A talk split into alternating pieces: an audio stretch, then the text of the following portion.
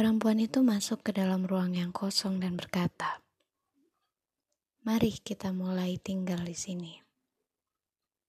Laki-laki itu menggeleng dan menjawab, "Ruang ini bahkan belum menjadi ruang. Ia hanya sesuatu yang kosong."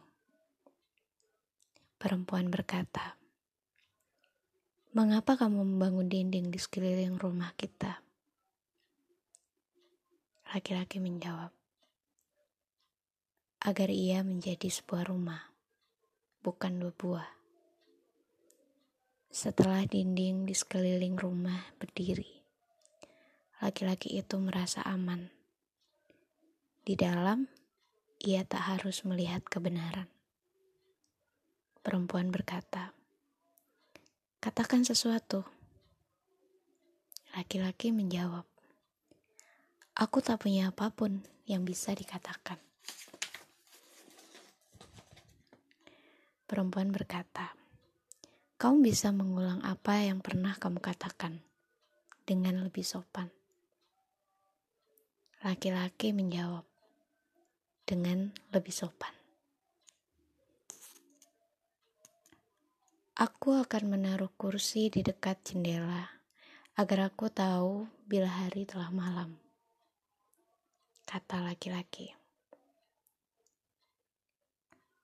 Aku akan menaruh malam di jendela agar aku tahu kapan harus menarik kursi, kata perempuan.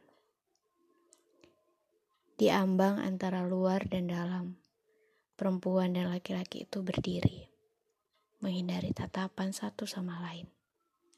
Cuma di ruang tak bernama itu, mereka bisa tinggal bersama. Di balik selimut, keduanya mematung. Aku ingin kita bersembunyi di sini dan berpelukan erat. Lalu kita bisa menangis, kata sang perempuan. Kita tak pernah memilih hidup yang seperti itu, kata laki-laki.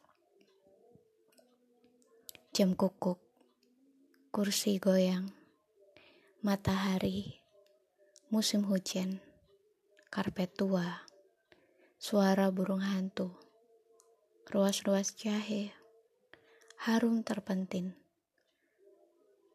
sungai kecil, humus, layang-layang putus, gerimis, tawa anak-anak.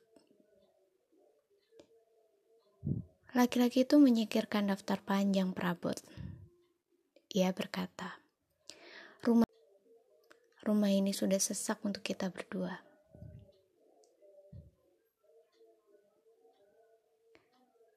Setelah rumah itu ada di teras, halaman, jalan setapak yang menembus belukar dan kesepian.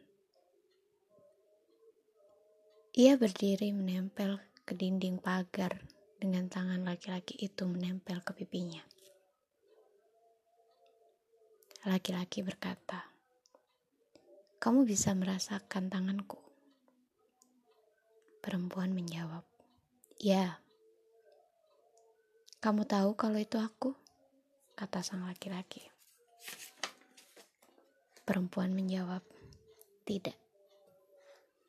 Sekarang kamu mengerti maksudku, kata laki-laki tersebut. Hampir jam 4 pagi, dan keduanya masih terbangun ketika terbangun dan terdengar suara truk di kejauhan. Sekali lagi mereka tahu mereka telah menjadi tamu.